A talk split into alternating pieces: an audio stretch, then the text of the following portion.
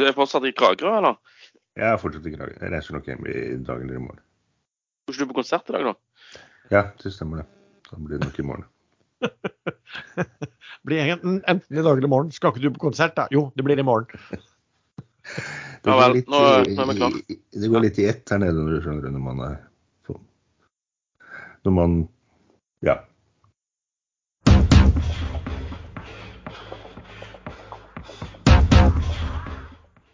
Velkommen til podkasten Aksjesladder. Mitt navn er Lars Branningen, i denne sammenheng kalt Reideren. Og med meg har jeg, som vanlig, En relativt avkjølt Sven Engel Larsen, også, også kalt Traderen. Og en eh, noe sliten Erlend Henriksen, også kalt Jalla-kongen. Og nå er, jeg, nå er jeg tilbake. I'm back. You're back. Og da eh, kan du og du komme med din um, disclaimer. Ja, ikke gjør noe annet enn det jeg sier, for vi er totalt uansvarlige. Det er vi. Vi gir ingen råd. Dersom du hører på hva vi sier her om markedet, aksjer, enkeltaksjer og livet for øvrig, er ansvar helt og holdent ditt eget. Det kan forekomme feil i det vi sier i programmet, og panelet og panelets gjester kan være langt, kort, direkte eller indirekte eksponert i aksjeselskaper og produkter som omtales i programmet. Og vi gir altså ingen anbefalinger. Nå fikk ikke Eh. du med deg at eh, jeg sa at ikke gjør noe annet enn det jeg sier, da. Nei, det var bare en litt lengre ja, Men du nulla den igjen. Så- En utgreiing. Uh, Sven, altså jeg har hørt uh, eh, man, i, I Norge så forteller man jo hvor varmt det er nå på bakken for, å, for, å, for å selge aviser og klikk på Og du er jo i Spania. Er du, er du helt, blitt helt brunsvidd? Nei, jeg har den eh, litt lyserosa tilnærmingen som jeg alltid har. Eh, så det, det går fint. Det blir litt brunfarge til slutt. Ja. Nei nei, Men- men det har, det har, det har vært varmt uh, siste perioden. Uh, var vel oppe i 39 grader nå for to dager siden. Nå sitter jeg her på terrassen og det er 28, og neste ti dager er det ikke spådd mer enn maks 33 eh, noen av dagene. Så jeg, jeg føler at varmebølgen her nede i hvert fall er over. Men du bor litt lenger eh, sør, sånn under Sierra Nevada, at du får litt kjølig luft nedover. Ut med kysten så er det mye bedre enn f.eks. en halvtime inn i landet. Der er det mye varmere. ja. Sevilla er jo kjent for å være rimelig Ja. varmt. Det er vel der noe nesten varmerekorder der også. Jeg pleier å ligge rundt 40 der. Vi kjørte jo forbi der to ganger når vi skulle eh, både til og fra Portugal. Så da var det bare å, å bånde på og ha full aircondition. Men de gangene jeg har vært der, så har vi, hvis det ble for varmt, så har vi bare kjørt litt opp i fjellsiden. Funnet en liten sånn koselig landsby og en, en restaurant. Eh, de er vel fremdeles kjøligere enn først når de kommer inn i landet, som du sier. Hva tror du? Hans? Jeg har ikke utforska eh, de severdighetene som du har. Men det må du gjøre. Det pleier alltid å være kommer opp i noen hundre meters høyde. Så. Takk for tipset. så er det mye hvor- bedre mat og mye bedre, billigere, bedre og billigere mat på de lokale restaurantene der oppe. Men hvor befinner du deg nå i Eller har, har gjort de siste par ukene, Erlend? Nei, bare én uke, vel. Eh, knapt nok det. Eh, jeg reiste vel ned hit på søndag, til Kragerø. Norges solkyst. Og her er det knallfint. Det har vært litt sånn duskregn et par dager nå. Det sa Yr at det ikke skulle være, og i dag sier at det skal være duskregn, så da blir det vel ikke det. Eh, fantastisk deilig. Rundt eh, 21-22 grader i sola, og det syns jeg er helt fint. Um, sist gang vi spilte inn, så spilte jeg jo inn fra Trøndelagskysten ute på Frøya. Og så etter det så dro jeg en ukes tid til Molde. Fikk med meg et par fotballkamper, faktisk. Det var jo strålende. Uh, og også fint vær. Og så har det vært her den siste uh, uken. Her har det jo egentlig vært ganske ja, kjølig og mid middelmådig temperatur nå i, uh, i Oslo. Jeg forstår at det har det vært strengt tatt i juli når vi har vært borte også, etter en veldig fin juni. Men eh, vi har vel ikke denne sendingen for å snakke om, om været og ferieplaner og alt. Eh, Sven, hva har du gjort eh, de siste par ukene? Ja, eh, jeg skal fatte meg i korthet. Eh, fordi at eh, jeg har eh, følger med på Viaplay her. Eh, og da mener jeg ikke aksjen, men eh, TV-sending fra The Open-mesterskapet i golf. Eh, jeg har uh, treda litt i denne her Seabirden. De kom jo med en eh, lang kontrakt, jippi, uh, på Fullmar Explorer. To års kontrakt. Uh, aksjen gikk rett i, i taket. Jeg hadde en god del aksjer. Uh, jeg tror jeg hadde rundt 280 000, og så solgte jeg 180 000 av de rundt 4,4. Veldig fornøyd med den. Jeg tilbake litt, tok tilbake litt i går, og så ligger jeg litt til venstre eh, for Ask i dag òg. Så får vi se om, om det er lurt eller ikke. Jeg tror jo og håper at den andre båten, Eagle Explorer, også får en, en lang kontakt. Og da da kan det jo plutselig bli en pengemaskin. Eller pengefartøymaskin. Ikke vet jeg. Eh, og så har jeg eh, tredje, eller solgt litt Doff. Den har egentlig vært ganske enkel å holde, fordi jeg har solgt noen småposter. F.eks. her en dag så skulle jeg selge på 39,5, for der lå biddet. Um, og da uh, fikk jeg plutselig gjort den til 39,80. Det var ikke noe hokus pokus-ordre, det var en helt vanlig ordre. Og det, Pareto kjører jo smart order-routing, så da er det tydeligvis noen i Dark som lå og kjøpte på 39,80. Så det kunne du liksom bare teste med noen småposter eh, de neste dagene. Så da har jeg vært flink å holde der. Jeg solgte litt i går på, på 40. Økt litt i min Holding. Eh, ikke noen spesiell grunn til det, men han, der fikk jeg tak i noen eh, poster i Dark under 2,50, så tenkte jeg at oi, det var, det var lurt. Så da har det ellers vært litt sånn småtrading i, i, det fine været. Um, Erlend, du har vel Jo, jeg var, var med ja. på en emisjon òg, eh, men den tar vi vel i neste segment. Eh, Havila Kystruten. De ja. klarte jo å sette en emisjon eh, på det varmeste. Riktig. Den, du har vel begynt å være litt mer aktiv igjen, i hvert fall i USA, har jeg forstått? Jo, faktisk kun i USA den uken som var også. Da fant jeg Nicola mener jeg er et case som man kan vurdere å holde selv om de skal doble antall aksjer i en såkalt ATM, en minibankløsning, i begynnelsen av august. Da skal du utstede like mange aksjer som det er i dag. Men hva, hva betyr det egentlig? ATM. Du, du, vet hva det betyr? Ja, det visste jeg en gang. Uh, men det kom jeg ikke på nå. Nei, men da kan jeg hjelpe deg. Uh, ja, det betyr at the market. Altså de, utsteder, de selger rett og slett aksjer i, i, i markedet. Altså emisjonen gjøres med at de selger i markedet.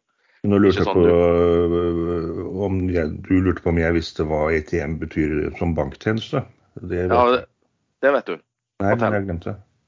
Automated teller maskin. Automated hva, hva for noe? Teller. Altså en sånn bankfunksjonær som satt bak vinduet, liksom. Det var en sånn teller. Aha. Men så dette er automatisk tellermaskin. Ok. Men aftermarket er mye bedre. Det er egentlig en veldig smart måte å løse et kapitalbehov på. For da, hvis selskapet hvis man tror at selskapet kommer til å bruke de pengene fornuftig, og det dekker eh, det løser problemene de har hatt, pluss at de kan eh, Eh, ja, særlig hvis de har en forventet nyhetsstrøm framover, så kan kursen faktisk stige voldsomt i den perioden hvor de med aksjene selges. Det har man sett flere ganger.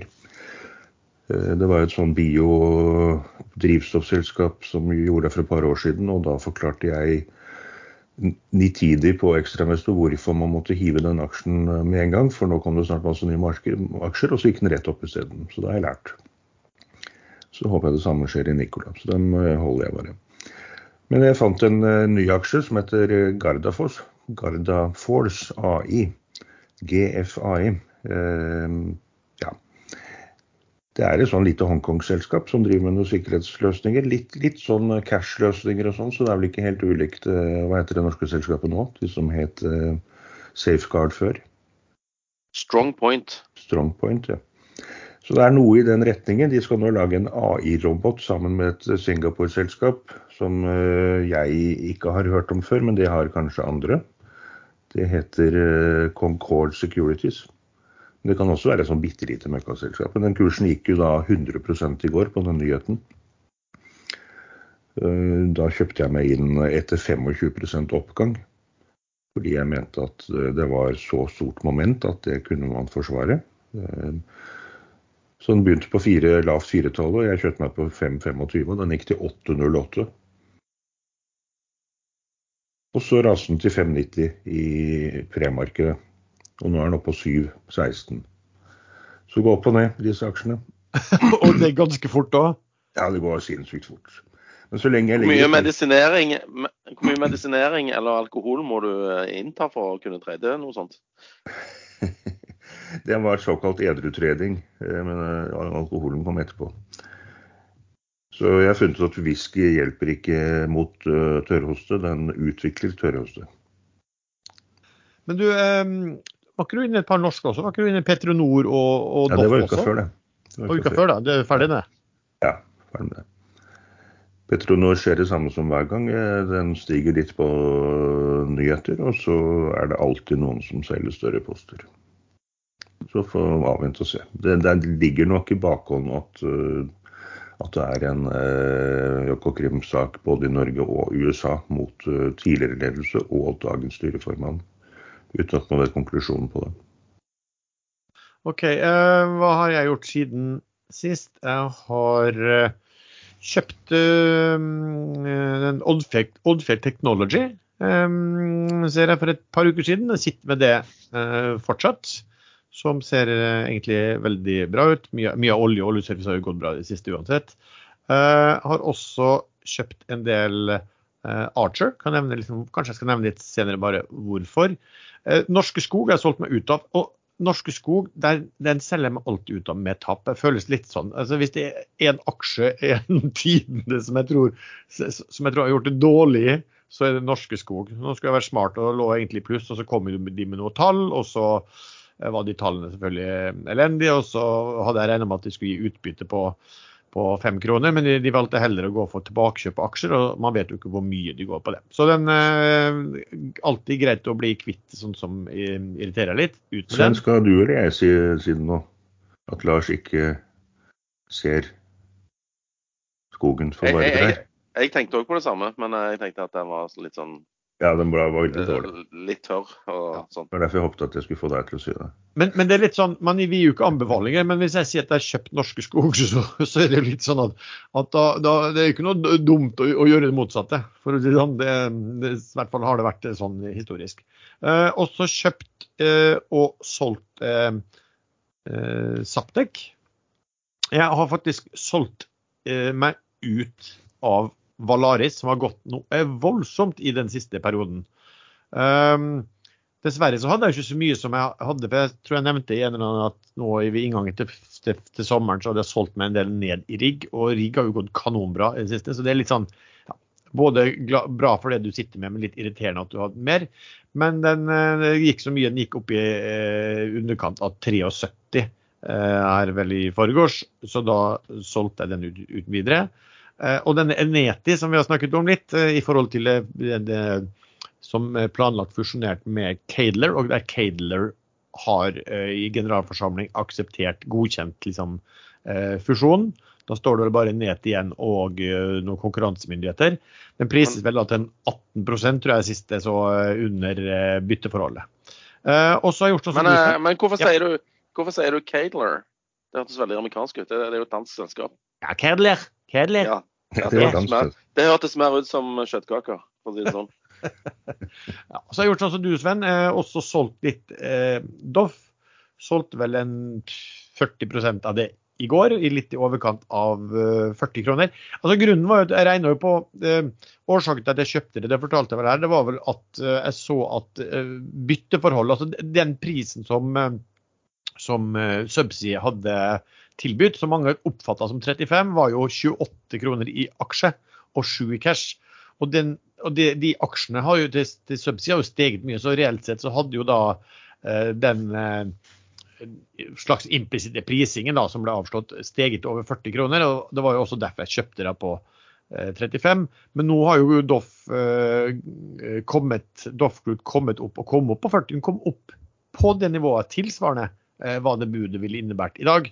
Og, da tok jeg bort en del fra, um, fra bordet. Og så er det sånn at eh, årsaken til at jeg ikke solgte alt, er at neste uke så er det vel en måned siden Doff ble eh, børsnotert. Og det er vel sånn at, eh, hvis jeg ikke husker feil, Sven, eh, meglerhusene, og her var det masse meglerhus som deltok, de har vel en stille periode på én måned etter notering før de kommer med analyser.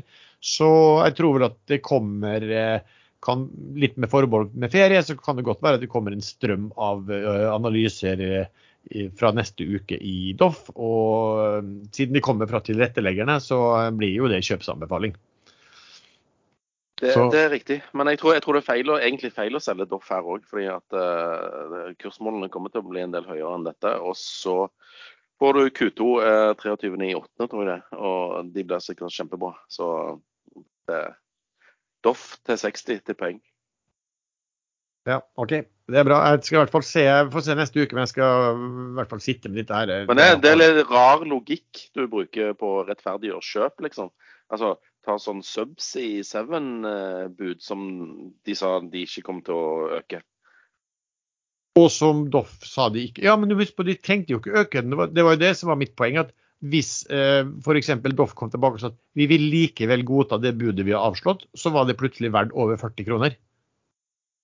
Fordi, uh, OK, var det Ja. du tenkte? At de Ja. kom krypende tilbake som uh, uh, utro bikkjer?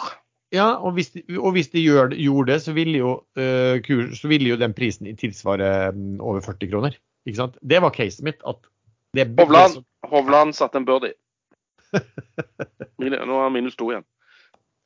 Um, Sven, hva har skjedd da på emisjonssiden?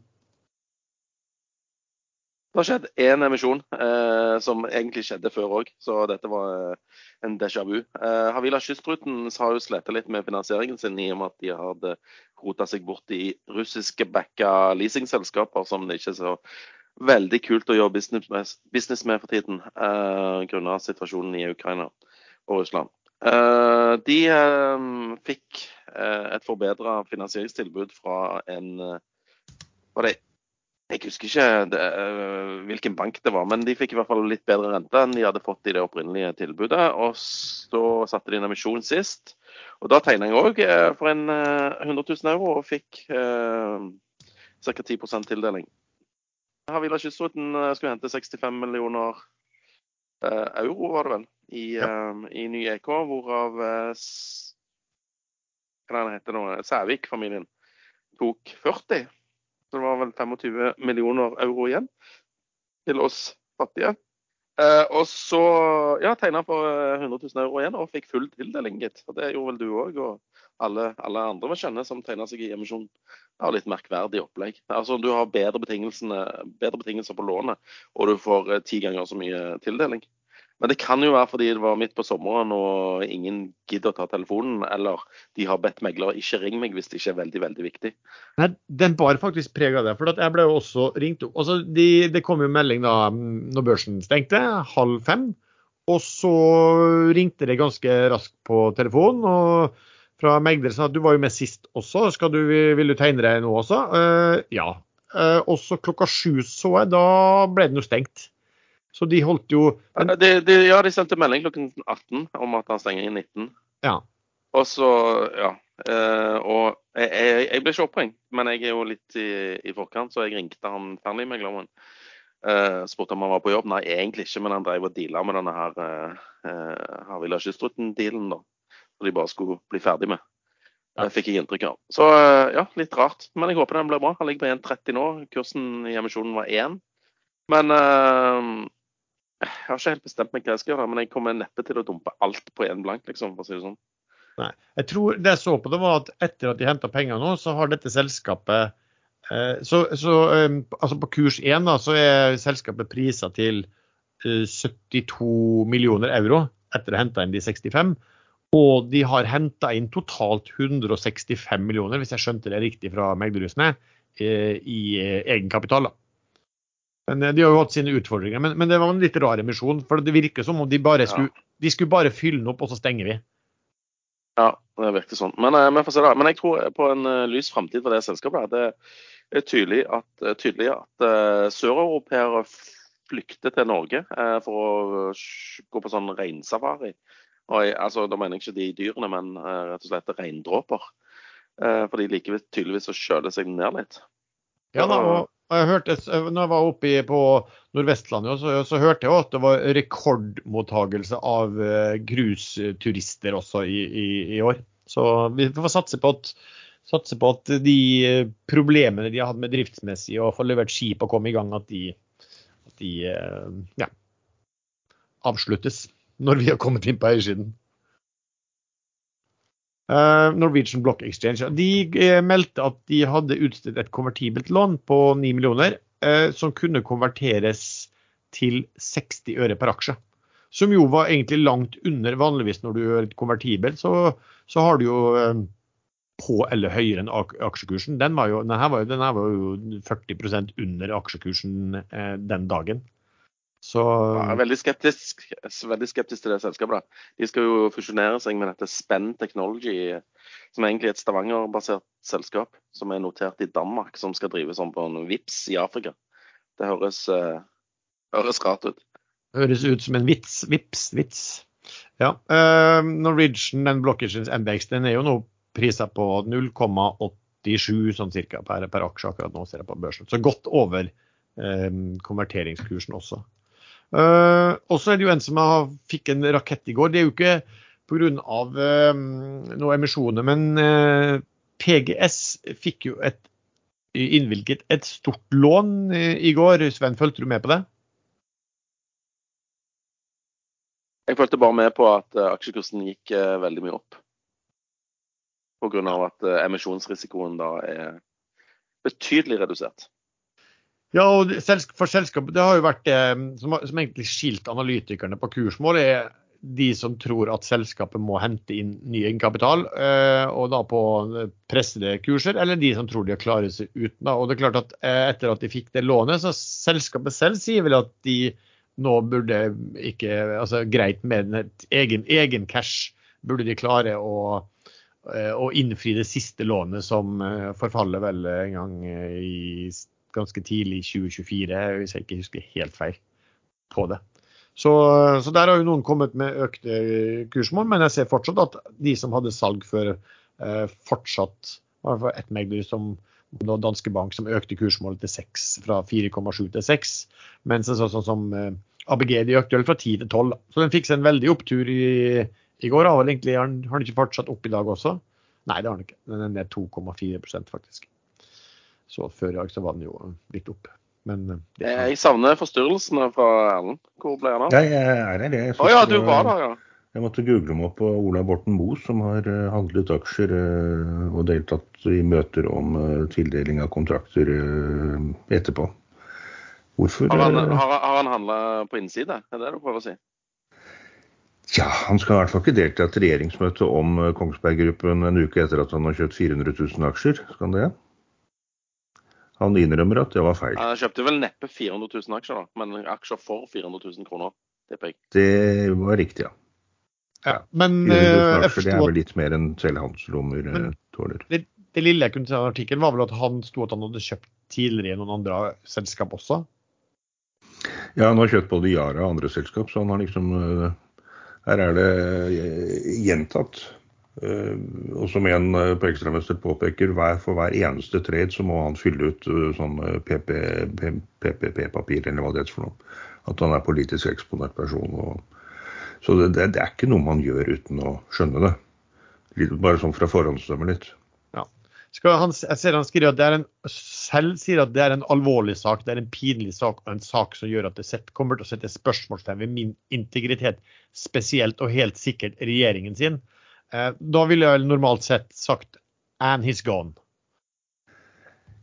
Ja, hvis ikke han da sier det for å da ha lagt seg helt flat og kanskje bli tilgitt igjen. Og det, det, er jeg faktisk litt sånn for at man kan man kan tilgis hvis man legger seg flat. Ja, Han har ikke stjålet noen solbriller, i hvert fall. Nei. Og så har han heller ikke endret historien 100 ganger. Foreløpig, i hvert fall. Det har jo kommet eh, makro eh, fra USA. Inflasjonstall, Sven. Fulgte du med på de? Uh, fikk bare med meg at de var fallende. Jeg, jeg, jeg, jeg registrerte det ikke. Men kålinflasjonen i USA var vel økende, var det ikke det? Eller jo, den var litt opp. Uh, jo, det var det. Men uh, PPI-en rundt forbi det virker å falle ganske kraftig. Altså produsentprisene ikke CP, altså KPI. Nei, men... Det henger vel litt sammen med at uh, det går mye dårligere i Kina enn man trodde. Det, er faktisk ikke sånn at uh, ja, jeg, jeg, lar vente på seg, men det går ordentlig dårlig. satt og tenkte litt på Kina i, i morges, faktisk, når jeg ser disse headlines som kommer at de skal stimulere både den ene og den andre sektoren. Eiendomssektoren er jo fucka, og eksportindustrien Ja, skulle- sliter. De vurderer å endre reglene sånn at de som har allerede kjøpt og sitter med huslån, kan igjen kjøpe og bli regnet som førstegangskjøpere.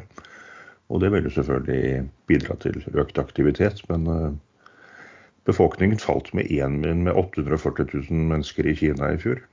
Og det Ja, det kommer til å eskaleres. Det er vel første gangen på aldri så lang tid at befolkningen har eh, blitt redusert. Og det, Ja, dette er noe som har toppet ut, og så har det vippet over. Og når det falt, og da kommer det til å gå fort nedover. Ja, for de har vel i hvert fall hadde den der ettbarnspolitikken som kommer til å Sånn at de får litt færre arbeid, i arbeidsstyrken og mange pensjonister etter hvert.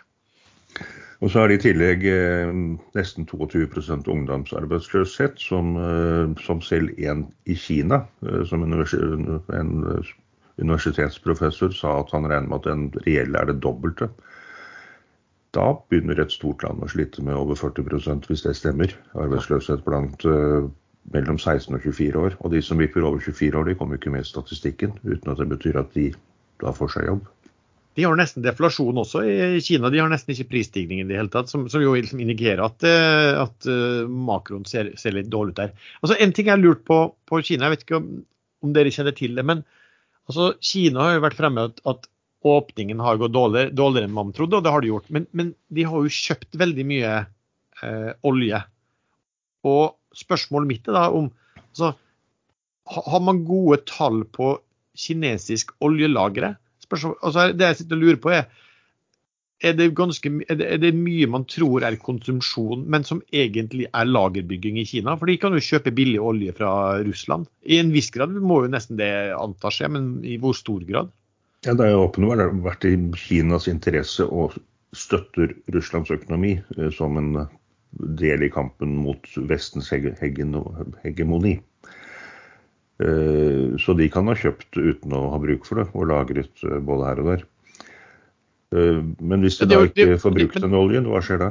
Ja, det, men jeg tenker det er, jo, det er jo lønnsomt for Kina sikkert, også hvis du antar at oljeprisen vil ligge. Hva er det maks de skal betale? 60 dollar fatet eller et når de kjøper fra, eh, fra Russland? Så er det jo bedre enn å måtte betale 75 fra Men lagerkapasitet er jo alltid begrenset. Da.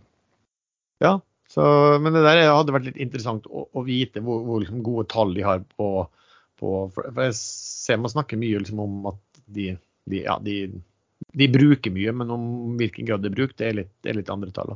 En annen ting som eh, med de inflasjonstallene fra USA, jeg leste en ganske eh, interessant artikkel. fordi at nå tror da alle at den inflasjonen skal ned. Eh, Men etter alt å dømme så skal inflasjonen i USA opp i andre halvår. Eh, Og det er fordi at du regner år over år, og da må du se på den, de månedene eh, som nå kommer utover høsten. Og det var vel, eh, sånn som jeg forsto det, måneder med ganske svak inflasjon. Så jeg så en sånn beregning som sa at altså bare hvis inflasjonen øker måned for måned, og da helt marginalt i USA i det kommende halvåret, så kommer inflasjonstallene til å gå oppover. Så det er nesten sånn at hvis, hvis, hvis, du, har eh, hvis du har månedlig inflasjon på null eh, fra måneden før framover, så vil du likevel omtrent ligge der du ligger i dag på inflasjon. Da. Så om det blir en sånn headline, eller om markedet skjønner det, eller om det blir en headline at OK, nå, skal, nå er inflasjonen plutselig på vei opp igjen, og du får alt det der på rentesiden, det, ja, det blir jo interessant å se utover høsten. Da. Kahoot! De har jo kommet bud der. Den har vi jo snakket en del om. Sven, hvem har kommet, og hva har de kommet med?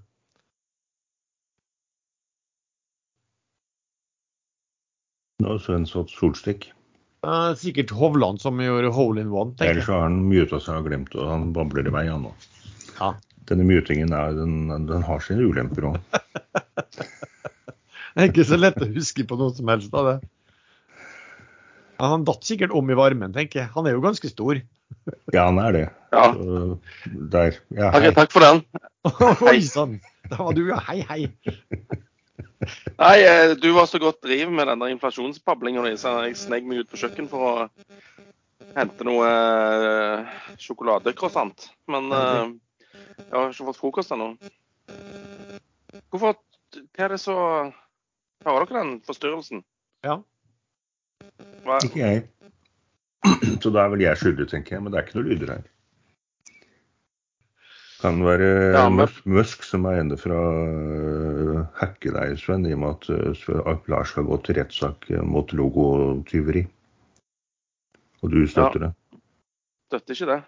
Det var jo litt morsomt, fordi at eh, Elon Musk, altså apropos AI, så skal jo Elon Musk han har satt i gang et nytt selskap, plukka med seg folk fra Google og alt mulig, og den skal konkurrere da med ChatGPT og Google sin og alt hva det måtte være. Eh, og den heter eh, XI, heter den, eh, den, den satsingen hans. Og de hadde en veldig, veldig, veldig fin logo, for den var nesten til forveksling lik XI sin logo, altså Ekstrainvestor sin logo.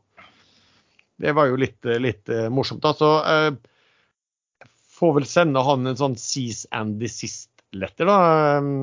Sven, du som kjører, hva tror du, hva, hva, hva tror du det da skjer Hva med, med Tesla-bilen din? Han skjønner at vi sitter i samme podkast.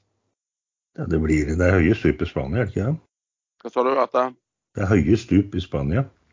ja, men her har jeg BMW. Ja, ok. Men du, jeg jeg er midt i frokosten, jeg nå. Jeg, Oi, vi, vi hørte det der. Enten hadde du fått talefeil, eller så var det liksom eh, det, Men det var i hvert fall, eh, den er i hvert fall, den er i hvert fall en logoen er i hvert fall veldig lik eh, eh, ekstrainvestor til, til, forve til forveksling lik, kan vi jo si. da. Så eh, Ja, da du kan vi får- si ha en god du, får smak. gå, du får gå til sak. Apropos AI, så er det jo faktisk sånn også at ja, da Musk skal sette i gang eh, XI, og så skal Apple også visstnok komme med sin eh, versjon.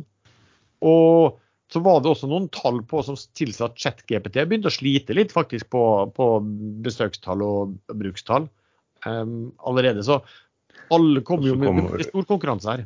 Det er en mengde Kina-selskaper som kommer opp med det samme. Ja, Tencent er ikke det de som har, var ikke det de som var, eller var det annen av de De gigantene? som kjøpte Funcom. det.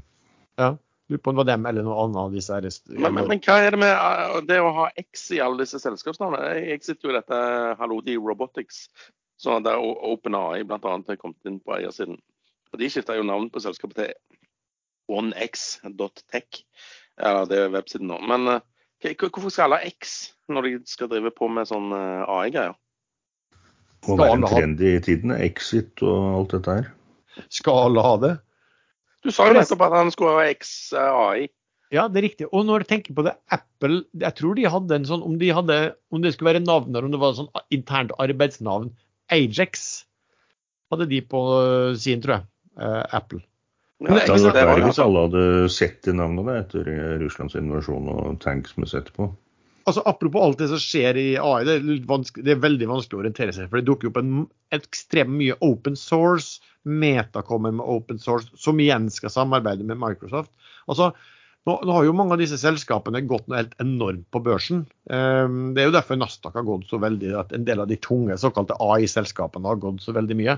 Men spørsmålet her blir jo også det kommer til å bli så mye konkurranse blant disse her, og det er jo noe digitalt der. Så eh, i hvilken grad de kommer til å få den enorme inntjeningen eh, på der, kan jo være litt sånn Spørsmålet ikke om, om, om der kommer en del til å bli skuffet, fordi at det kommer til å bli, det kommer til å bli tilbudt av så mange at ja, prisen for å få nye brukere kommer til å være ganske fallende. Det kommer til å bli nye AI-selskap startet opp av AI, som utkonkurrerer eh, de som bruker eh, menneskelige ressurser av kostnader på det i bakgrunnen. Og da ryker alle de store. Sven, Kahoot-budet, fikk du med deg det? Ja, det gjorde jeg faktisk. Og jeg kjente du hele skal bruke tanntråd, Sven. Etter hvert måltid. Må bruke tanntråd etter hvert måltid. Jeg er tannlegesønn. Ja, puss, puss og et eller annet sånt. Ja, jeg fikk med Kahoot-budet. Eh, Det var på 35 eh, kroner. Aksjen handles litt under, og han var vel helt nede i 34 blank eh, på det laveste etter budet. Det er et bud hvor de har fått med seg eh, Var det Goldman Sachs igjen? Eh, ja, var det ikke det? Og ja, Goldman Sachs Og- Asset Management, ja. Ja, og eh, nest største aksjonær, eh, selveste sjefen sjøl, òg blir med videre. ja. Og største aksjonær. Ja. Så det er sånn Jeg følte det nesten var litt sånn management buyout med hjelp av Goldman Sachs, da. Ja, det, men hva Kanskje- tenker, hva tenker du om budet? Tror du det kommer noe Jeg, jeg, har ikke, høyere? jeg, jeg har ikke Nei, jeg tror ikke det. Eh, De kontrollerer vel såpass mye sjøl, disse to største. Oi, oi, nå er det Hovland for Eagle her. Det kan bli spennende. Bruker litt lang tid, da. OK. Eh, I går var det han skulle beslå for Bøhler. Da fikk han måkebæsj i hodet eller noe sånt. ja. Her på jakken, faktisk. Det var litt morsomt. Ja, der går uh, slaget, og det er ah, Sneikanten er én centimeter forbi. Ja, ja. Da blir det ny birdie, da. Sånn er det. Um, Nei, jeg ja, har ikke sett noe på, på verdivurderingen eller noen ting. Men det har sikkert du. Du er jo sykelig opptatt av regnskaper. nei, jeg har faktisk ikke gjort det, for jeg var ikke inne i den. Og så tenkte jeg også litt sånn som du, at det, det kunne vært interessant å begynne å se på når, når bud kommer, men når jeg så at liksom, største aksjonær var med, og toppsjefen var med, og sånn, så tenkte jeg også at det er nok ikke så sannsynlig at andre kommer med noe bedre bud her, fordi at da vil jo de slåss imot det. Um, og, så får, det, får, det får jo bare bli opp til aksjonærene om de vil akseptere det der eller ikke. Um, et annet selskap som vi har snakket en del om her, kom jo også med tall, og det var uh, Philly Shipyard. Uh, og den eh, Vi har jo snakket mye om de kontraktene som de, skulle, som de tapte på i starten, og forhåpentligvis da, siden det var en serie på fem båter, forhåpentligvis så kunne de eh, til slutt ende opp med å tjene noe penger, i hvert fall på de fem til sammen. Men eh, nå var tallene så svake at det har de faktisk gitt opp også. Innser at de, Nei, de var litt uheldige, da. De, de fikk jo inflasjonen rett i trynet. Ja, det gjorde de. Fastpris, og så kom inflasjon, Ja, den, og ja. Den er lei. Ja, Den er veldig lei, og pluss at, at det er noe nytt de bygger. og Det, det advarte vi for også, og det folk i bransjen som har nevnt for meg også, at eh, når man lager helt nytt, nytt type skip, så, så er det også veldig stor risiko for at noe går galt. og Det var jo akkurat derfor at de hadde en serie på fem da, som gjorde at de over tid ville bli såpass eh, flinke at de skulle kunne tjene gode penger på ordren totalt. Men det har de gitt opp på nå. og, da, og, Poenget der er at egenkapitalen og likviditeten og alt det forverres jo såpass mye der nå at der skal du ikke så mye til. altså For noen kvartaler så eh, må man begynne å ha inn eh, kapital. Men eh, da de fikk den kontrakten, da, det jo, da var det en del som mente at når man jobber for Forsvaret, så, så blir det gull uansett. Men det er faktisk ikke riktig. Alt jeg klarer å google meg fram til, er at forsvars, forsvarskontraktene i USA de kan være skåret helt ned til beinet for leverandøren. Ja, det- det, men det, er ikke alltid gull. Ja, men Det er jo litt vanskelig å si egentlig hvordan den kontrakten var for dem opprinnelig. Men det er som Sven sier, da, at eh, når du da får høy inflasjon på alt du skal kjøpe, og at eh, eh, ansatte må ha mye bedre lønninger enn hva du har antatt, så klart, da går jo regnestykkene Du hadde rett i vifta også. Så kom jo covid, hvor de da ikke kunne ha full arbeidsstyrke. Og de måtte bytte oftere eller bytte sjeldnere. Jeg husker ikke hvilken rekkefølge, men uansett, de slet veldig rundt covid. Men det ligger jo en del eh, støtteordninger i bakhånd som de muligens kan få utbetalt, så det er ikke sikkert det er helt svart. Sven, fulgt med, eller Sven eller Erlend, fulgt med oljeprisen i det siste. Eh, Den har jo steget en hel del. Har også satt fyr på en del sånne rigg-aksjer.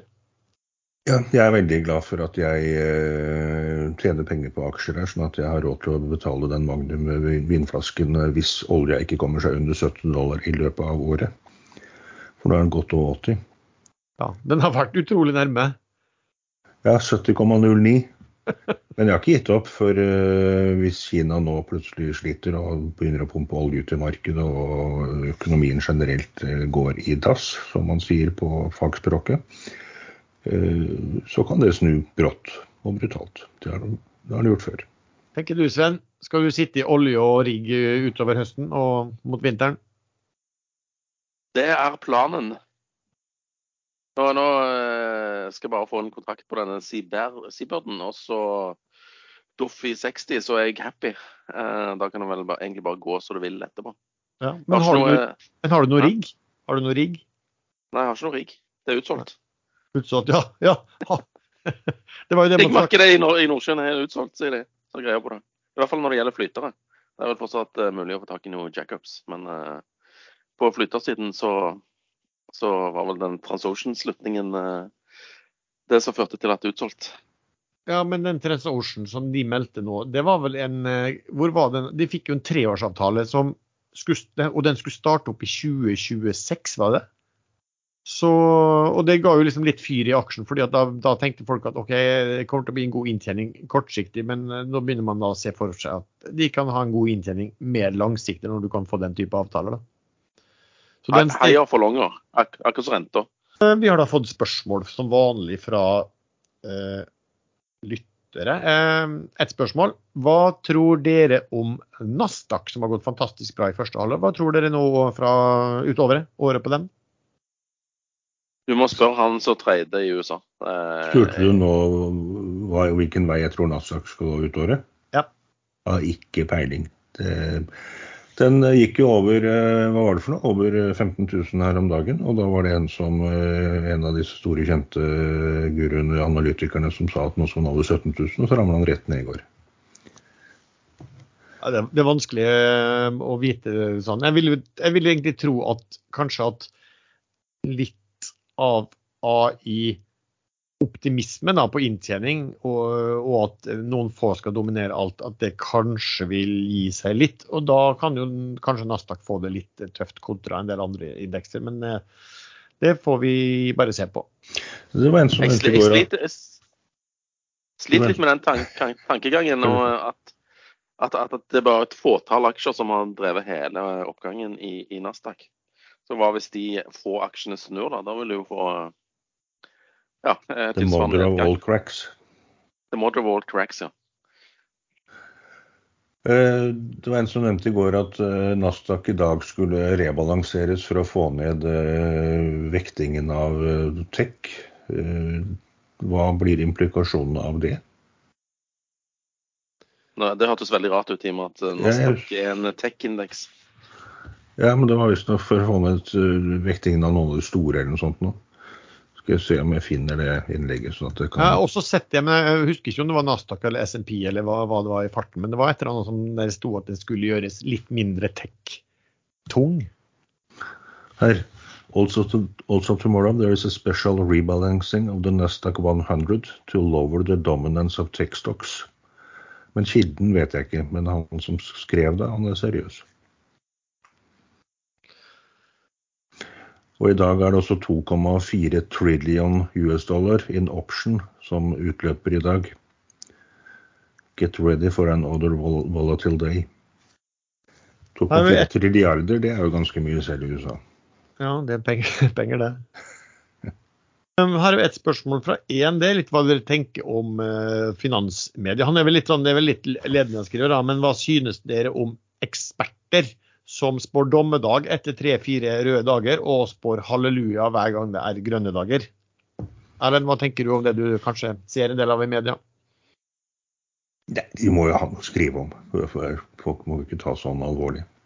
Det er som disse temperaturene som plutselig måler på bakken for å Det var 60 grader på bakken i Spania for å fortelle hvor varmt det er, for å få en historie å skrive. Da, da blir det bare tull. Men, men, på 60 grader på bakken, du kan ikke steike et speilegg på bakken da? Nei, jeg har jo stekt speilegg på uh, panseret på en bil i gamle dager, og det er mange år siden. Men jeg tror nå at uh, temperaturen at det er ganske entydig at, uh, at, det blir varmere og varmere, så jeg mener ikke å, å si noe imot det. Men man ødelegger mer enn man gagner ved å lage sånne røverhistorier. Ja. Da blir folk lei, gidder ikke å bry seg lenger. Nei, jeg er litt, jeg er litt enig med deg. Det jeg reagerer på, det er vel at øh, når hvis det er kaldt en periode, og de som er da klimafornektere sier det, da sier de som er klimaurolig, da, da sier de at de skjønner ingenting, for det er forskjell på vær og på klima. For vær er kortsiktig, ikke sant? og klima er over litt lengre tid. Men når det kommer en sånn ordentlig varmebølge, da gjelder plutselig ikke det lenger. Da er det klimabevis. Eh, ikke lenger vær. Men det går, litt på, går litt på utslagene. Eh, det ble meldt fra Kina at en by hadde fått over 52 grader, og det var ca. 2 grader høyere enn tidligere rekord. Eh, nå må man ta høyde for at det kan ha vært feilrapportering og dårlig rapportering og manglende rapportering fra Kina før. Også den nye rekorden kan ha vært feil. Men det begynner å bli ganske high-tech i Kina, så jeg tror ikke de ville sagt det hvis ikke hvis ikke det stemte. Og de skal jo ikke bli såkalt eh, CO2-nøytrale før i 2030. Og CO2 eh, Nei, skal, økningen i CO2-utslipp skal stanse i 2030 i Kina. Det er planen. Så de har liksom ikke noe grunn til å pushe dette veldig hardt akkurat nå. for de er avhengig av mye nye kullkraftverk i en god stund. Men det, poenget mitt var at når hoppene er så store, da snakker vi om 5% 4% hopp fra, et, fra gammel rekord til ny rekord, det er ganske mye. Og det har man sett flere, flere steder i verden, både på begge polene og hetebølger, og at det har blitt så enorme hopp i gamle rekorder. Og da burde man bli litt bekymra. Ja, nei, jeg er helt, helt, enig med det. Og det er noe som heter 'better safe than sorry' også. ikke sant? At eh, selv om det hadde vært eh, Hvis man skulle vært sånn klimafornekter, så burde du uansett tenkt at eh, hva hvis du tar feil? Eh, ikke sant? Eh, da... Ja, det sa jo gamle, gode Kåre Willoch. Ja. Det er som å forsikre huset. Man tror ikke at skal brenne, men man gjør det likevel. For i tilfelle det brenner, så går det galt med økonomien. Ja. Uh, her kommer et spørsmål også. Uh, det går på uh, posisjoner. Altså, vi spør hva, hvilken prosentposisjoner tar panelet i mindre illikvide pos posisjoner. og liksom, Har den pros prosentandelen endret seg over tid, eller har du noen tommelfingerregler for det, Sven?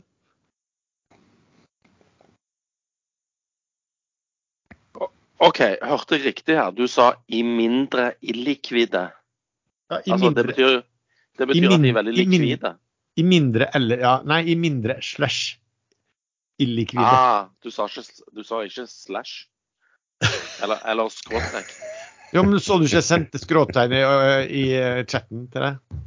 Jeg har hele vinduet mitt med Viaplay og The Open her. Jeg. Så det, det, det er Infront aktivtrader på den storskjermen, også, eller stor og stor. Den største, og så er det The Open på den andre. Hvordan ligger han med Hovland, da? Mange... Jeg er fortsatt minus tre. Og lederen er? Minus åtte. Stykke opp, da. Ah, ja. Godt i gang. Um, uh, jeg tar jo selvfølgelig mindre posisjoner i illikvide uh, aksjer uh, enn i likvide. Det er jo helt logisk. Men altså så... prosentmessig, som du var ute etter. Ja. nei, si det. 30% kanskje? 33? En tredjedel mm. Men, av hva du gjør innen likvid.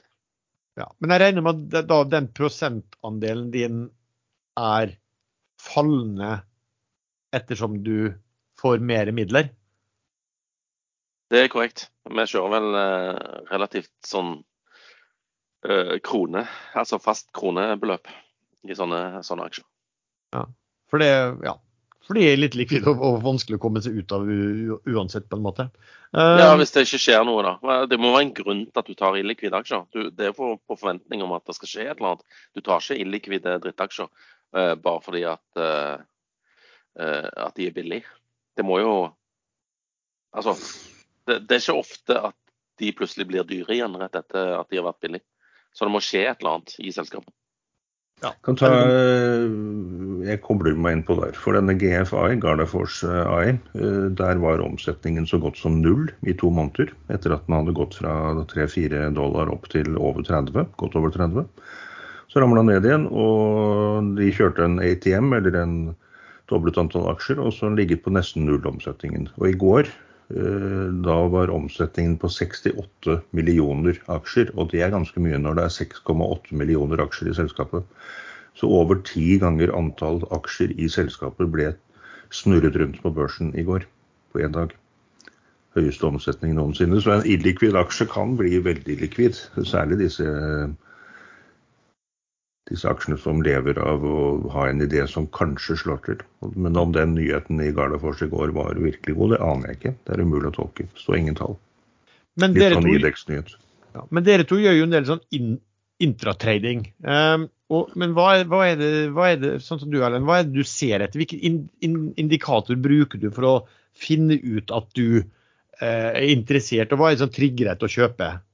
Da? Nei, Det er jo veldig farlig at jeg skal fortelle det, da, fordi det, går veldig på magefølelsen akkurat der. I går så tok jeg den aksjen Jeg så ikke at den hadde gått før den var over 30% opp. Så falt den litt tilbake, og da tok jeg den på 25% opp. Og det er jo definert som galskap i alle lærebøker. Du skal ikke kjøpe noe som har gått 25% allerede på én dag. Men den fortsatte opp til 100% opp. Og det var fordi volumet var så enormt i forhold til hva det har vært de siste dagene, at jeg tenkte at dette kan vi fortsette. Og nå ligger jeg med 5,25 i inngang, og nå ligger kursen på 6,70. Så ligger jeg så godt i pluss at da, da prøver jeg ikke å trade disse enorme sprangene opp og ned. Da venter jeg. Enten blir jeg med ned til nesten, nesten null, da går jeg aldri i minus på sånne. Hvis jeg ikke blir plutselig tatt på senga for, som det heter. Det skjedde noe over natten, og så starta den minus. Eller så blir jeg bare med oppover. Se hvor det stopper. Så selger jeg meg 20-30 under det som da virker som en topp. Sven, hva gjør du? Hva, hvilke indikatorer ser du etter når du skal Hva er det som trigger deg på intradagtrading? Uh, nei, jeg gjør bare sånn jeg alltid har gjort. Uh, det er tydelig Altså kjøpe det som faller for mye, og selge det som uh, stiger for mye. Men da med Viaplay i dag, Sven, den er nå opp uh, på, uh, Der kom Kanal Pluss i går og meldte at de hadde tatt en 11% post. Det vet vi ikke om de gjør i går, det kan de ha gjort. Uh, det er svensk registrert selskap, det er tre dagers meldeplikt. Men den er nå opp 39 i dag, etter at den hadde falt 50% dagen før og steget 50 uka før etter at den hadde falt. Ja. Så den har gått opp og ned som en jojo. Treder du sånne aksjer? Nei. Jeg holder meg generelt unna Sverige, for det er mye rart der, føler jeg. Mm. Må tenke på blodtrykket, vet du. og Da, da holder, det med, holder det med Oslo Børs for min del. Men la oss si det hadde vært en norsk aksje da, som eh, stiger 30% på gode nyheter. Den åpnet på 45 etter å ha sluttet på 35 i går. Tar du de? Mm, nei, da må, være, da må, jeg tro at han skal liksom gå videre eller noe. Jeg, jeg er ikke sånn momentum-trader. Aldri, aldri, har vært. Og kommer heller aldri til å bli. Nei, men, men du har liksom varsel på eh, eh aksjer som har falt mye på kort tid? Er det noe sånt du har varsel på? Jeg har en tredjetikker eh, som jeg har koda med litt forskjellige farger. Uh, som liksom lyser imot deg når det er dagen. Jeg, jeg, liker best å kjøpe de som falt mye, fremfor å shorte det som har steget mye. Så da lyser det gult imot meg her liksom når du får dagens laveste osv. Og, så er det egne koder hvis, uh, siste, hvis ask er under siste omsatt osv.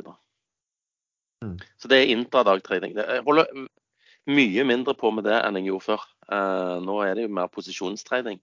Type sånn Seabird og type Doff og, og altså litt lengre posisjoner. Nå så jeg f.eks. det kom en nyhet i eh, Biofish Holding i dag. Kontrakt med en ikke oppgitt kunde. aksjen er opp 7,7 Jeg gjorde ingenting der heller. Jeg vet ikke hvor langt den skal gå. fordi at du er nå i det vinduet der du kan eh, eh altså, utøve disse her warrantene. Så ja, jeg forholder meg rolig. Men hvis du hadde eid aksjer eh, da den meldingen kom, da hadde du kanskje solgt på den nyheten? Da hadde jeg solgt, ja. Men det er jo ikke intradag, egentlig. Det er mer sånn mm, posisjonstrading, det òg, liksom. Ja, så det du, det du sier til meg, siden jeg har noen biofish, er at jeg skal selge aksjene mine? Det du sier til meg? Grus eh, driten ned, sånn at ingen utøver opsjonene sine. Eller warrantene. Mine egne, liksom. Mine egne warrants blir mindre verdt. Nei, men det, det går jo seks måneder til, og du kan vel utøve på samme kurs ja, ja. om seks måneder. Absolutt. Så det, det, er jo, det er jo bra tidsverdi i de uh, tegningsrettene. Absolutt. Uh, skal vi se om vi har noen andre spørsmål her. Vi har ett spørsmål som går på uh, Er det noen aksjer på børsen som dere ikke ville røre. Og da tenker jeg long, men sikkert, det er vel mest long, kanskje? Det syns jeg er urettferdig overfor aksjer som er notert på børs. Eh, altså, Beveger det seg, eller er det noe som tilsier at noe skal gå en eller annen vei? Så selvfølgelig, du skal, du skal ikke tenke på om, eh, om aksjer heter Harmony Chain eller NBX eller jeg vet, et eller annet. Hvis du har en edge eller du skjønner at ting skal opp eller ned, så du kan trade alt.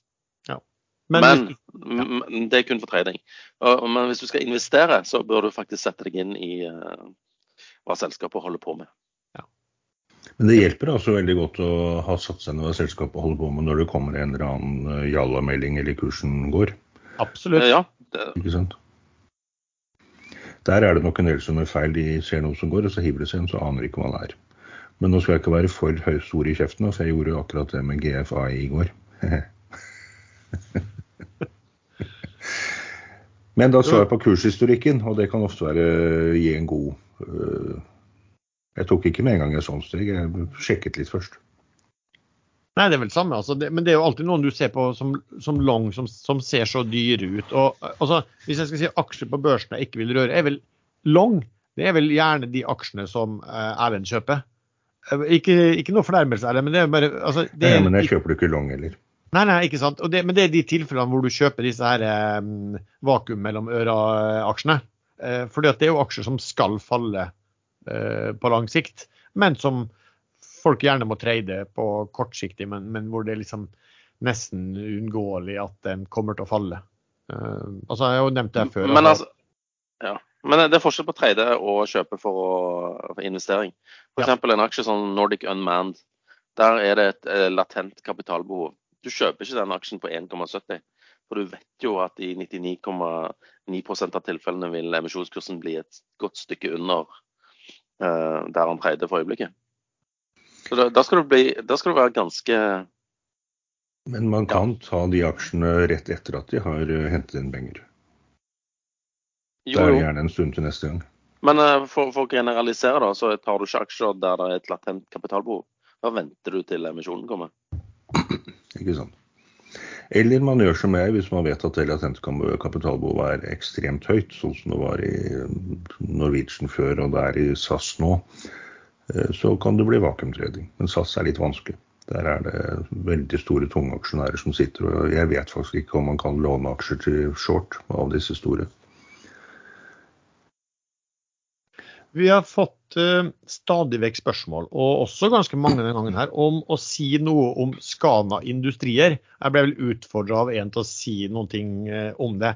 Eh, så da blir det en sånn liten enetale her sikkert på, på noen minutter. For jeg gjorde en, egentlig en regnskapsanalyse uten å kunne så veldig mye om selskapet Skana Industrier. Men for å si det sånn, de består jo av produkter og tjenester de selger offshore. Så har de løsninger innenfor elektrifisering eh, og fornybart til offshore og marine. Og så har de da det de kaller mooring solutions og wall remote control systems, som de selger til maritim. Så offshore er vel da sånn ca. 50% av inntektene, eh, energy 29% og marin 21% Altså Det selskapet nå prises på jeg så på det på 2,14. Priset da de til en, en knapp milliard kroner. Så har de netto rentebærende gjeld på en 154, altså det vil si en enterprise value på 1,1 milliarder. Um, priset til sånn ca. to ganger bokførte verdier. Jeg så litt på tallene. altså Første kvartal i år er um, veldig sterk forbedring fra, fra siste periode. Um, hvis du kjører tolv måneder rullerende, så, så er jo eh, har de jo ikke noe inntjening men, eh, å snakke om, men det er jo forbedringer man er ute etter her. da. Så Hvis du tar, denne, hvis du tar dette første kvartalet um, som, så, og regner det om til en tolv måneders inntjening, så har du en sånn PE på ja, hva jeg fant da, ca. 18. uh, Som jo er ganske høyt, um, og som jo sier at her må man forvente, for å kjøpe på det nivået her, så må man forvente en klar bedring også i uh, framtiden. De har et framførbart underskudd eh, som er ganske stort, Uh, som er verdt en, altså 300 millioner, det er vel verdt en ca. 60 millioner, som gjør at de ikke kommer til å betale i hvert fall uh, skatt på, på, en, på en gitt periode. Men det, det blir litt feil da, fordi at når du da sier får en EPS, som jeg sier da på omregnet 12 øre, så er det basert på at de ikke betaler skatt. Og du kan liksom ikke regne en PE på ikke-skattebetaling som kommer. Så for min måte så vil en normal måte å regne på det være å se hva ville P1 vært hvis de betalte skatt. Um, og så kan du heller bare ja, regne, trekke vekk eh, skatteverdien på noen andre ting. Da. Uh, og da hadde jeg fått en P på, på 22. Så vet jeg at de har fått uh, en stor ordre fra Equinor f.eks., som gir dem et par hundre millioner i året i omsetning. Og minimum er vel minimum tre år. Litt usikker på hvordan det var. Og da blir det jo interessant å se hvilke marginer de kunne, kan få ut av det. Så Skana er liksom For min del er litt sånn vil helst se eh, lave nøkkeltall eh, nå. Og her syns jeg egentlig nøkkeltallene er ganske høye. Men til gjengjeld så har de så, så god vekst at hvis den gode veksten eh, fortsetter i noen kvartaler, så kommer de jo fort inn på, en, på det som jeg ville vurdere å, kunne kjøpe på. da. Men jeg sammenligner, jeg så jo bare sammenligna litt tid med noe som er eier som heter Nekkar. Hvor hvis du har en sånn EV-EBIT hvor uh, Skana er på 14 og Nekkar er på 6. Uh, så ja. Det var en liten regnskapsvurdering av den. Så de, de som ikke likte det, så, så, har jeg ikke noe peiling på selv, hva selskapet og framtidsutsiktene til de som uh, sådan. Men da har vi i hvert fall fått snakket litt om den også. Jeg forstår også at det har vært litt nyheter rundt batteriselskapet Freyr, som vi har vært innom her tidligere. Hva er, hva er caset der, Erlend? Ja, De har jo i utgangspunktet skal de bygge to store fabrikker. En i Mo i Rana, er det vel. Uh, som heter noe med heter den igjen? Ja, samme det. Og så er det igjen i USA. I USA har de fått enorme støtteordninger eh, gjennom denne IRA-avtalen uh, til Biden, hvor uh, det pumpes inn penger. Da snakker man om mange milliarder kroner i støtte til sånne selskap. I Norge har Vestre vært mildt sagt tilbakeholden. Eh, veldig mange som tror at de har fått mange milliarder i direkte støtte. Det har de ikke. De, så langt hadde de vel fått et par hundre millioner kroner i støtte. Og så var det snakk om lånegarantier og billigere lån. Og billig lån er som kjent for en stat eh, ikke noe som nødvendigvis koster penger i det hele tatt. Men så fikk de en milliard eh, tilsvarende fra EU i støtteordning. Det var direkte støtte, subsidie. Eh, og nå skal de vel da fortsette med denne norske fabrikken. Eh, men Goldman Sachs kom med en eh, analyse i går. De gikk da fra Bay til Hold, så vidt jeg skjønte. Og begrunnet det med at når, når Freyr kommer på markedet med sine batterier i 2025 eller 2026, da vil markedet være overflodet, oversvømt av batterier, eh, og de vil ikke få omsatt produktet sitt. Og det vil gå eh, til helvete. Jeg har ikke lest artikkelen, men jeg leste en overskrift hvor det var mer eller mindre fremstilt sånn. Men så har jeg googlet litt tilbake her da, på Ekstramester, som er en fantastisk kilde til gamle nyheter. I mars 2021 da skrev Goldman Sachs, analytikeren, Eh, det er en av de mest omfattende veksttrendene de siste 20 eller 30 årene, og mange vil spille og vinne de kommende årene, sier han. Det var to år siden. Og i mai samme året så kommer det fram at Goldman Sachs har kjøpt seg inn i Northvolts batteri-gigafabrikk i Sverige. Eh, og der er de fremdeles storeiere. Og da tror jeg man skal begynne å Her ser en fra februar 2022, så står det at Goldman Sachs er på eiersiden. Og det er de garantert ennå. Når da en Goldman Sachs-analytiker eh, rakker ned på hele bransjen som helhet, og selv eh, Goldman er på eiersiden, så er det jo kinesiske vegger og alt dette her, men eh, man kan kanskje si at han snakker litt for sin syke mor og prøver å ødelegge en konkurrent. jeg vet ikke, fordi eh, Freyr er ute i markedet for å hente kapital nok til å bygge opp, og Northvolt har så vidt jeg har skjønt allerede hentet inn det de skal. I hvert fall kommet mye lenger enn Freyr.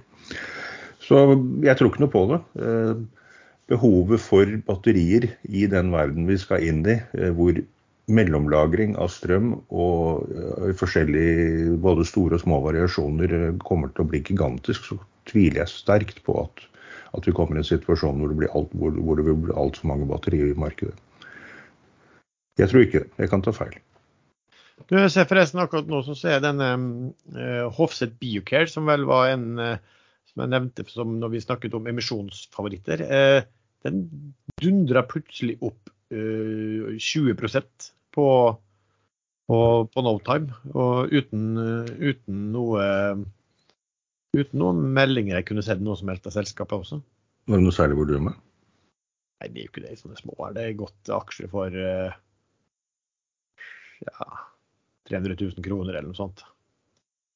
Så, så, så, det er jo ikke mye. Men uh, likevel, nå er den jo holdt av nå, så får vi se hva, hva som eventuelt skjer der. Jeg faller vel fort tilbake. Men du vet hvordan det er når aksjen begynner å gå, da, så er det mange som hiver seg på på et eller annet. I hvert fall hvis det er lite likvid, så har det jo vist seg I, I, sommer ser man gjerne det at en del aksjer kan gå helt, helt veggimellom på uten at noen egentlig har skjønt uh, hva, som, hva, som, foregår der. Uh, Sven, uh, det har kommet et stort olje- eller var det gassfunn? Et av de største funnene som er gjort på lang tid i Nordsjøen. vel? Kan du fortelle litt om det? Wellesley Petroleum AS, som er operatør på på dette feltet som jeg ikke husker navnet på for øyeblikket. Eh, de eh, eh, gjorde et funn som er det største funnet på elleve år i Nordsjøen. Det er gjort i norsk, Norskehavet, var det vel. Uansett, norsk sokkel. Det er et gass- og kondensatfunn der DNO var, var med med 20 Så Da steg DNO en del på den nyheten. og det er positivt for DNO at de da vrir litt fra denne her produksjonen i Kurdistan og, og, til hjemlige trakter. Og han styreleder i DNO uttalte vel at Nordsjøen, eller norsk sokkel, er en gave som bare gir og gir.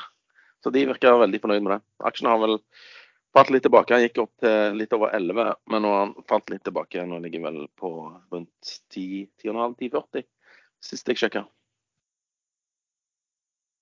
Men det nå sliter jo med at uh, oljeeksporten fra Kurdistan er stoppet.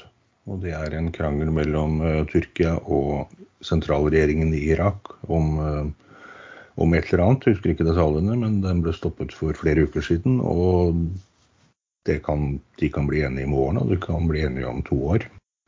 Det var Carmen-prospektet. Men det som var litt spesielt her, det var jo at de som er litt oppegående og gjerne jobber litt i oljebransjen sjøl, de vet hvor de kan finne informasjon om eh, hvilke brønner som skal bores når, og hvilken eh, eh, tillatelser som er blitt gitt.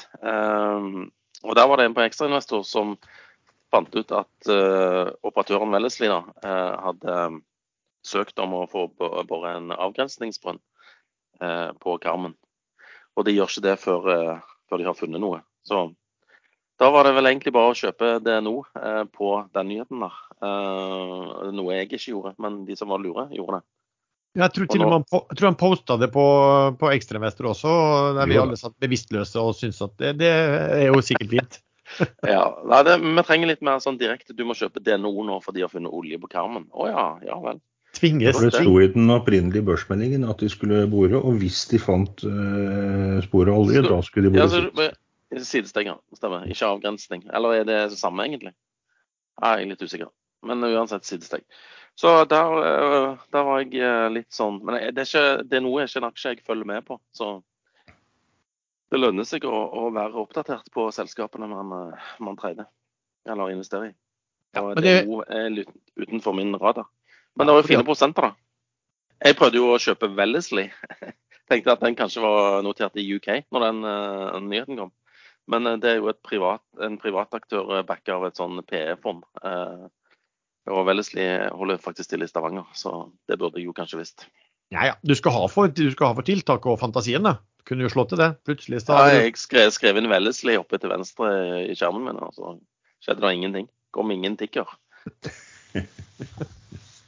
sånn er det. Um, nei, er det noe mer uh, jeg, jeg, tror uh... Nei, det er ikke noe mer å snakke om i dag. Nei, jeg har også egentlig lyst til å se på, på, på golfsendingen min. Eh, Erlend skal jo på konsert med selveste Bjørn Eidsvåg. Ja. På noen skåtøy utenfor, uh, utenfor uh, Kragerø i kveld. Det blir hyggelig. Men da kan vi vel ta det vi bruker å avslutte med. da. Sven, har du noe favoritt eller noe spesielt for uken som kommer? Ja, det hadde jeg glemt at vi skulle ha det òg. Uh, nei, jeg må si Seabird. Kanskje uh, Altså, jeg, jeg, jeg, er ikke ferdig med den før, før han står i seks kroner. Da er jeg fornøyd. Men det betinger vel at det kommer mer nyheter. Så det er bare lov å håpe at det skjer et eller annet. Jeg vil egentlig ha aksjen litt ned, så jeg kan få fulgt på litt. Men jeg vet ikke om det skjer. Det gikk et kryss òg der i går. på 5,30 nei 4,30, som var et godt stykke over sist omsatt. Jeg vet Ja. ikke om noen har fått tak i noen aksjer, eller om det er en intern overføring eller whatever.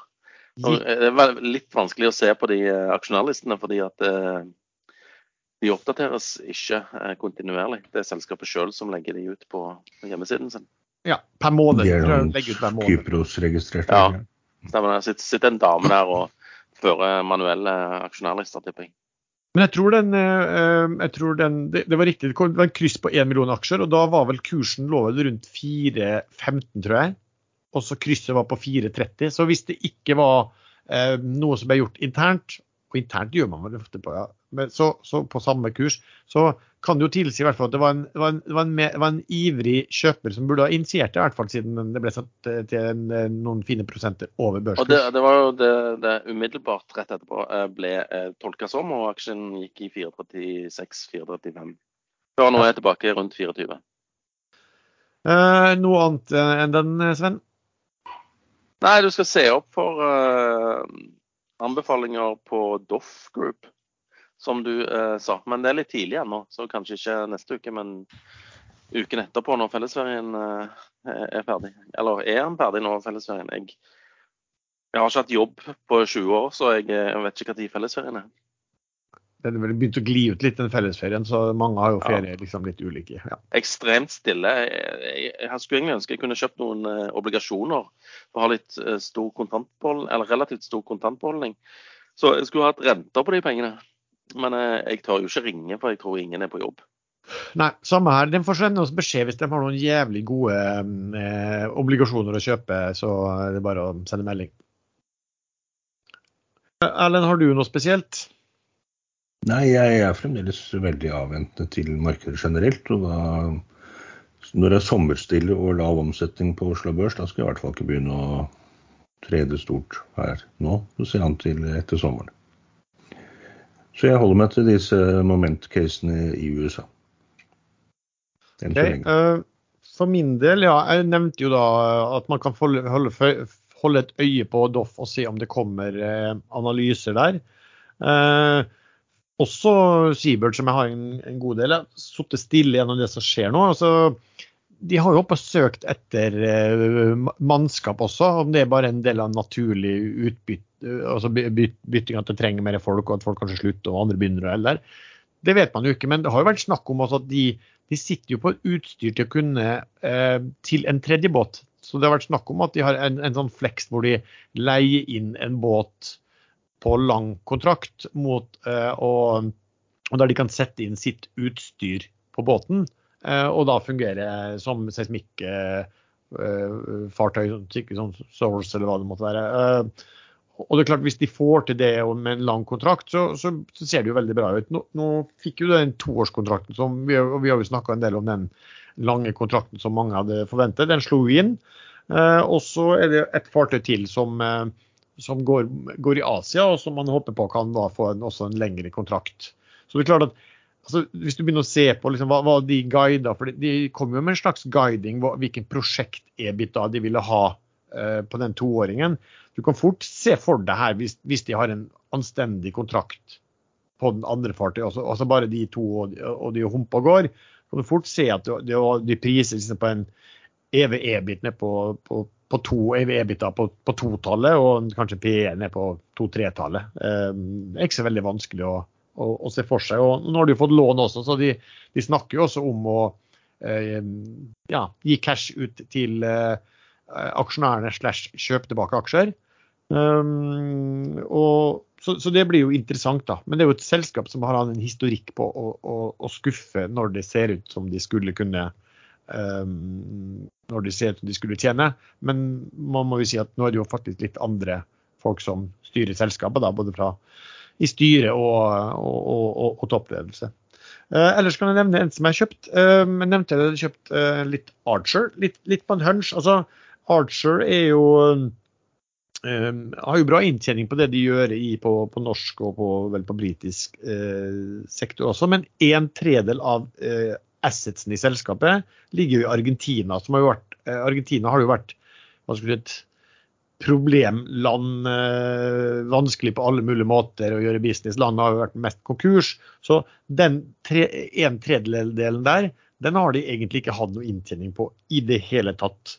Eh, men de er altså nest største da, på land, altså drilling services, land drilling services i Argentina. Og det, det som eh, vekte min interesse her nå, var at det kom en artikkel i Bloomberg som sa at Argentina nå så ut til å boome på eh, oljeproduksjon. Eh, og det vil jo da slå rett inn på um, for være til stor nytte eller fordel da, for, for, Archer. der de også vil kunne trenge flere rigger. Det er et stort sånn um, felt, sånn shale-felt der, som heter Vaca Muerte. Jeg tror det sto et eller annet om at det betyr død ku. Så de kommer med et par millioner fat om dagen ut derifra nå i løpet av året? Som, som kan være stor fordel for meg i forhold til vinnermålet mitt? Jeg tror ikke det går så fort, eh, men, eh, men, det er i hvert fall et område hvor de tror de kan vokse veldig mye. og Hvis du er da en, en, en, eh, den nest største på drilling services i landet, og de antas å måtte investere, skulle investere mye og øke produksjonen kraftig, der du, der du nå egentlig ikke tjener noen ting og har masse assets i, så vil jo det kunne være en stor fordel. Jeg så også han som da var rysta sitt eh, sin spesielle eh, altså, rysta sin mann på, på, Argentina som hadde spesialkompetanse der. Han kalte det for a once in a generation opportunity, altså for produksjon da, i, i um, Argentina. Så, så, når Bloomberg kommer med artikler om dette her, og også skriver hvor mye de selskapene som da er lokale selskaper på børsen der nede, som er, eh, som er da eksponert mot uh, det markedet har steget over sånn 200-300% så tenkte jeg at Archer de har egentlig ikke fått noe fått en opptur en del andre selskaper har gjort. og De henta en sånn kriseemisjon på én, eh, og den har også falt en, en, del under den. Så den kjøpte jeg da i løpet av uken. Vet også at de holder på å jobbe med en er med i konkurransen om en sånn stor kontrakt på britisk sektor, som jeg tror kanskje skal avgjøres i løpet av et, eh, et par ukers tid. Eh, men ellers blir det ja, fortsatt å være eh, mest i mest mulig likvide aksjer. Jeg har jo solgt en del rigg, så jeg er egentlig litt på leting etter å kunne eh, putte de inn i noen ting igjen. Men det kan godt være at det blir eh, obligasjoner, som vi um, akkurat har snakket om. Um, ja, SDSD en, del som alltid vil jeg skal nevne noe om. og Den har jo steget eh, ja, småpent i det siste, fordi at verdiene på disse Dolphin Drilling og Standard Supply har eh, steget ganske betydelig på, på børsen altså. OK. Eh, noe annet uh, vi uh, skal snakke om, eller skal vi ta avslutte for denne gang? Ja, det tror jeg er ferdig. Vi kan ønske Borten uh, Moe lykke til med å bli sittende i regjeringen. ja, så Økokrim må også se på saken, så det er vel ja. Tipper han er sacked in the morning. Han er nok det. Burde, burde være det, faktisk. Og siden eh, du snakket da om eh, golf, eh, Sven, for det skal jeg sette meg til å se på også, så kan jeg nevne Jeg kan gi litt, litt reklame, da, for det er nevøen min som er programleder for en podkast som, som, heter Four. Hvor han er programleder som heter Espen Blake og Marius Torp og gjester. Så for de som er interessert i golf, så er jo det en podkast som er vel verdt å få med seg. Eh, og med det så takker vi til deg som har lyttet på denne episoden. Du treffer stadig oss tre kjeppene inne på Ekstrainvestor. Musikken er som vanlig laget av sjazz.com, og vi høres. Lars, du må lage sånn identitetsbevis for uh, aksjesladdermedlemmene. Uh, kom i prat med en uh, ung fyr i går som jobbet i Vistin. Uh, og så begynte vi å snakke om aksjer. og han mente han var kjempedyktig, og så spurte han hva jeg, hvordan jeg investerte. Jeg sa jeg investerer i alle aksjer, og så nevnte jeg det. Da kom jeg inn på podkasten, og så sa jeg at jeg var han jallakongen i den podkasten. Det var en litt sånn naturlig utvikling, det er ikke sånn jeg pleier å si. Ehm, og det nekta han å tro. Uh, han kjente ikke igjen stemmen, og han uh, kjenner jo ikke igjen ansiktet, for det er det ingen som gjør. Så, så jeg, det er litt sånn når man da endelig egentlig burde vært kjendis, så, så blir, man, blir, man, ikke trodd. Så jeg trenger et uh, aksjesladder identitetsbevis. Eller du, vi kan ta en, innsending hvor vi spiller inn på, på YouTube også, men det, det krever jo at du har på deg klær, da. Å ja. ja da, da må du advare på forhånd, da. Først i hvert fall. Men vi skal jo være naturlige. Vi skal jo være som vi er hvis vi kjører live.